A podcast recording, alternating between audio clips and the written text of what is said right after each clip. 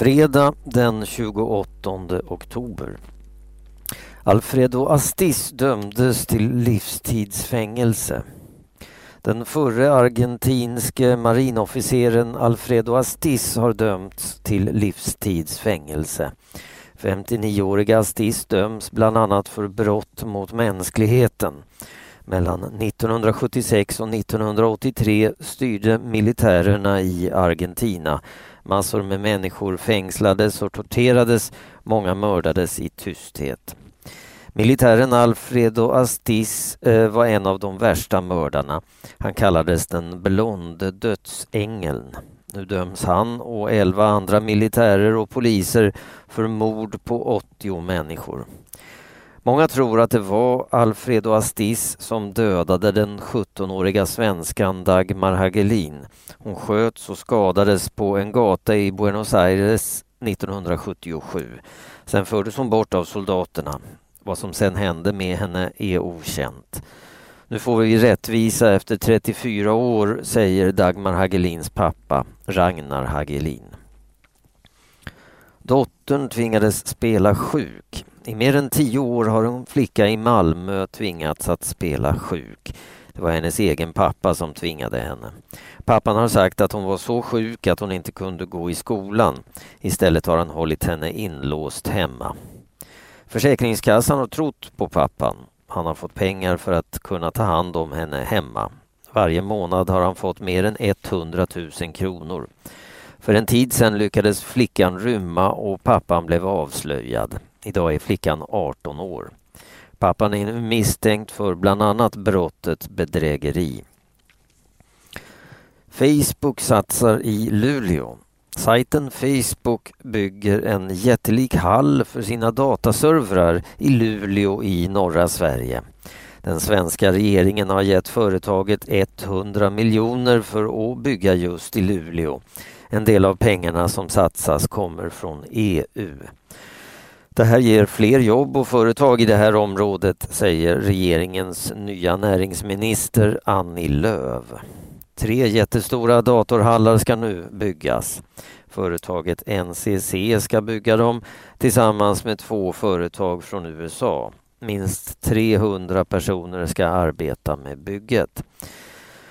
Luleås kommunalråd Karl Pettersen säger att han är glad och stolt över att Facebook väljer Luleå. Det här är det viktigaste som hänt i Luleå sedan stålverket startades år 1940, säger kommunalrådet Karl Pettersen. Hemlösa är inte välkomna.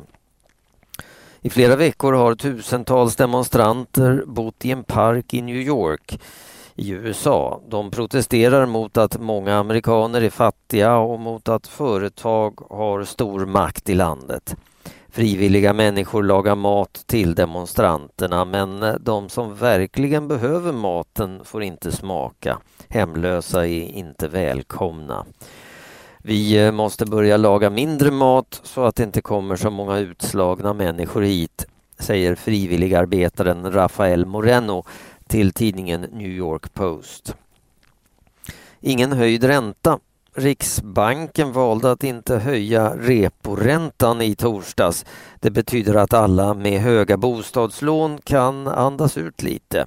Det blir ingen höjd ränta och dyrare lån just nu.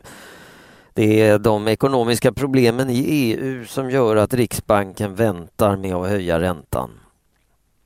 Korallreven i Thailand kan skadas av sötvatten.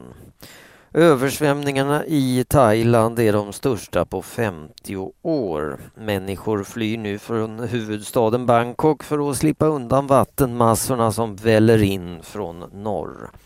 Det kommer så mycket vatten att korallreven i den thailändska bukten kan skadas. Dessutom sköljer vattenmassorna med sig giftiga ämnen ut i havet. Det svenska utrikesdepartementet, UD, avråder nu folk från att resa till Bangkok och de norra delarna av Thailand. Men det går fortfarande bra att resa till Bangkoks internationella flygplats och vidare söderut. Saab blir kinesiskt. Bilföretaget Saab säljs till två kinesiska företag. Det betyder att Saab räddas. Fabriken behöver inte stängas. De två kinesiska företagen Yangman och Pangda betalar omkring en miljard kronor för att få köpa hela Saab. Tidigare har Saabs ägare Victor Muller eh, velat sälja en del av Saab till kineserna. Saab är ett företag i kris. Fabriken i Trollhättan har stått stilla i flera månader. Pengarna är slut och räcker inte till att betala de anställdas löner. Om inte kineserna köpt Saab är det troligt att hela företaget hade lagts ner. På Saabs fabrik i Trollhättan arbetar omkring 4 000 människor. Dessutom arbetar flera tusen på företag som säljer delar till Saab. Ängelholm är nära allsvenskan.